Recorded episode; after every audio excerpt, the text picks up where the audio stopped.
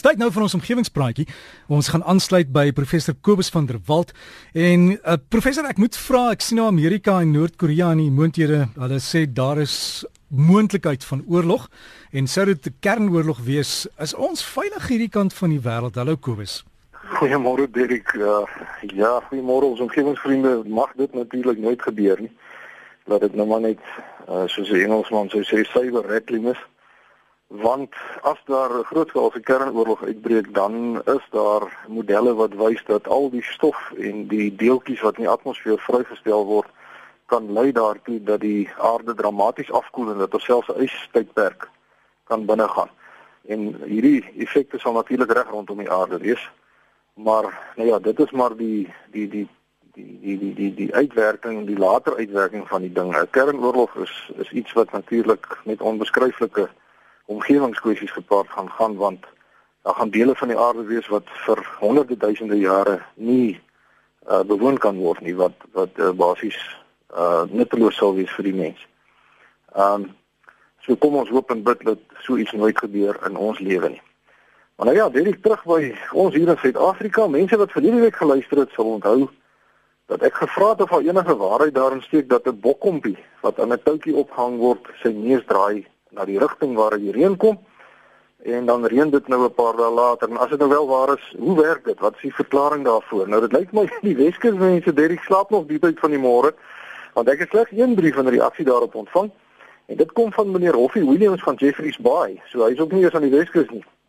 Maar hy sê hy uh ek dink die die die logiese verklaring lê dit het iets met die toutjie te maak hê waaraan die bokkom nou hang en nie by die vis self nie natuurlik nie. Uh net soos by die weerhuisie waar daar nou 'n uh, dermpie of 'n haar hang uh, waaraan die mannetjie en die vroutjie op die balansbalk dan dan is en die vog in die lug veroorsaak dan die beweging.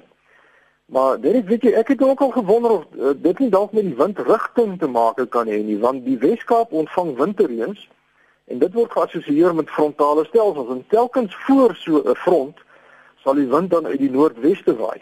En ek het gedink dat so 'n gedroogde bokkompie se sterk vind dalk kan veroorsaak dat die visie sy neus dan nou wind opdraai. En dit is dan ook die rigting waarvandaan die uh, wolke so 'n paar dae later sal kom wat die reën bring. Maar goed, oor die oes van water waaroor ek nou verlede week en voorverlede week gesels het, uh, vertel meneer Williams van die hoogste piek in die Oos-Kaap, naamlik Hanekam in die Groot Windroetberge naby Stytlerwil. En hy sê bo op die berge is daar altyd water te kry wat versamel in rotspoele En hierdie water is dan nou die gevolg van kondensasie uit miswolke. Hy sê daar's genoeg water sodat 'n oornag grot daarbo toegerus is met lopende water in die kombuis en storte en selfs 'n spoeltoilet het. En dan sê meneer Williams 'n oulike ding. Hy sê enige mens kan water in die veld laat kondenseer as jy net weet hoe. En hulle leer hulle voortrekker kinders dat dit moontlik is met behulp van 'n groot deurskynende plastieksak uh so die wat mense by klerewinkels kan kry. Die plastieksak moet deurskynend wees en nie die swart vuilgoedsakke nie. En dan kan 'n mens op 'n sonnige dag die sak oor enige boomtak met groen blare trek en hy sê binne 2 ure behoort daar omtrent 'n koppie water binne in die sak te wees wat natuurlik kondensaat van die blare se transpirasie is.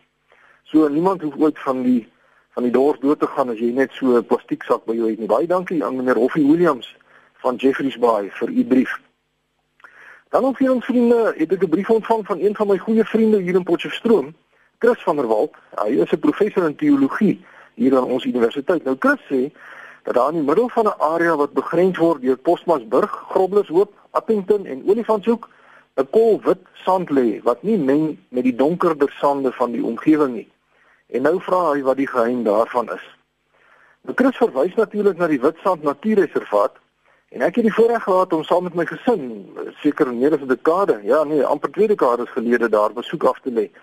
En die bekendste eienskap van die sandduine by Witstrand is natuurlik dat hulle onder sekere omstandighede 'n brul geluid maak as jy nou teen die duine op of af klim. En legende het dit dat die brulsand slegs 'n geluid sal maak in maande wat 'n R in sy naam het. Met ander woorde, alle maande behalwe tussen Mei maand en Augustus maand. Nou Witstrand is 'n ongelooflike plek. Ek gaan definitief nog weer soheen toe gaan want daar's 'n uitsonderlike voorlewe. En die mees indrukwekkende is natuurlik die spierwit sandduine wat skerp gekontrasteer lê teenoor die pragtige roesrooi Kalahari sandduine. Nou Chris se vraag is waarom hierdie koolwit duine nie meng met die tipiese rooi sandduine van die omliggende gebied nie. En die antwoord daarop is dat hierdie wit duine geleë is bo op 'n plek waar daar 'n hele klomp fonteine uit 'n natuurlike akwifer onder die sand ontspring. Nou die rooi kleur van 'n tipiese Kalahari duin is te wyte aan ysteroksied of dan doodgewone roes in die sand.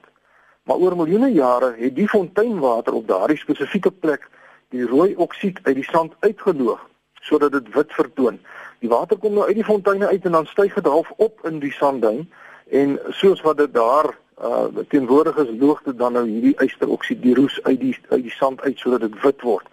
Nou tydens winderige toestande word daar wel kleiner volumes van die sand natuurlik rondgewaai en die wit en die donkerder sande meng uh, dan wel ook 'n bietjie maar die loging van die water op daardie spesifieke plek gaan onverpoost voort sodat die netto effek oor 'n lang tyd nou is dat dit lyk of die spierwitduine van witsand staties op daardie een plek bly staan. Nou die brilgeluid van die sand is nou nie iets wat eksklusief is aan die sande van die witsand natuurreservaat nie, want ek het al dieselfde tipe geluide gehoor as mense op 'n warm somersdag met laagwater by Glentana, daarvoor om die rotspunt te stap na die ou skeepswrak toe. En as mens nou jou voete so in die sand sleep of so skop na die sand toe, dan maak hy amper so 'n chunk geluid. Maar die geheim is uh, van hierdie geluid en dan ook by witsand, die sand moet baie warm en droog wees en dan skuur die miljoene sanddeeltjies nou teen mekaar en die geluide word dan gegenereer. Maar iets wat nou baie uniek is aan die witduine by witsand is dat daardie duine baie gereeld raakgeslaan word deur weerlig as gevolg van die relatiewe hoë watertafel binne in die duine en ook omdat dit hoë duine is. Daai duine is omtrent so 30 meter hoog. En as die weerlig nou die sand raakslaan, dan smelt dit die sand sodat daar dan onder die sand glasagtige buise gevorm word wat vulgoriete genoem word. Nou besoekers aan die reservaat word dan ook gewaarsku om nie op die duine te gaan stap tydens uh, swaar onweertoestande nie. En dan nou nog 'n interessante eienskap van witsand se duine is dat daar beraam word dat die kwartsietformasie onder die duine wat nou vir die loging van die sand verantwoordelik is, meer as 'n miljard kubieke meter water bevat. Nou dis geweldig baie water, want as ons dit nou vergelyk met die stad Kaapstad se huidige waterverbruik van 600 miljoen liter water per dag, dan is dit genoeg water om Kaapstad vir 5 en 'n half jaar lank van water te voorsien uh, teen die huidige verbruik. Baie dankie aan professor Chris van der Walt van Potchefstroom vir daardie navraag. En dit ek daarmee is my tydjie vanoggend ook alweer om. Uh omgewingsvriende kan gerus vir my skryf deur omgewingspraatjies se Facebookblad te besoek of skryf 'n e-pos na kobus.vanderwalt by nwu.ac.za. En dit ek, jy gaan ons nou een van die dae op die skip klim. Ek hoop jy het jou swemvlekkies ingepak en sonbrandolie en al die goeders en dat jy 'n wonderlike tyd gaan hê. Ja, Kobus veilig en en uh dat jy sommer lekker verfris gaan terugkom. Ons gaan so maak Kobus ons ons stop daarin in Ludrits en Walvis Bay en ek weet nie of jy al daar was baie kere nie. Ek was nog al baie keer al in Walvis Bay Luderitz, weer pragtig, pragtig, pragtig. So wat moet ek wat moet ek gaan kyk? O nee, nee, jy kan maar net vat jou kamera en en vat nog ekstra geheustokkies saam want uh, veral Luderitz is die wonderlikste ehm um, geboue, jy weet dis dis net 'n fabelagtige dorpie. Net natuurlik die spookdorp wat net daar Kolmanskop wat nou net so eentjie uit Luderitz uit is. Ja. En dan by Walvisbaai is die is die die dierelewe, die seelewe, die voëllewe en die en die seelewe is iets om te aanskou. Dit is net pragtig en jy sal sekerlik dan 'n besoek by Swakopmund ook gaan aflê. Nee, ek is verlief op daai wêreld, Dirk. Uh as ek kan kies dan uh, gaan bly ek môre daar. Jakob, daar's net ek het nou nog gesien op die op Google prentjies, daar's nie baie bome nie, maar uh dis dis nou maar uh, interessant en ek sal ook kyk of daai duine met ons gaan praat, hoor. Ja, nee, as jy dink sewe gaan uitklim, dan moet jy maar vir jou energiedrankie ook saamvat. ja, nee, ek ek weet nie hoeveel tyd ons sal hê nie, maar ek glo daar sal genoeg wees. Maar Kobus, baie dankie en ek sal terugkom en jou lekker jaloers maak en dalk kan jy volgende keer saamgaan.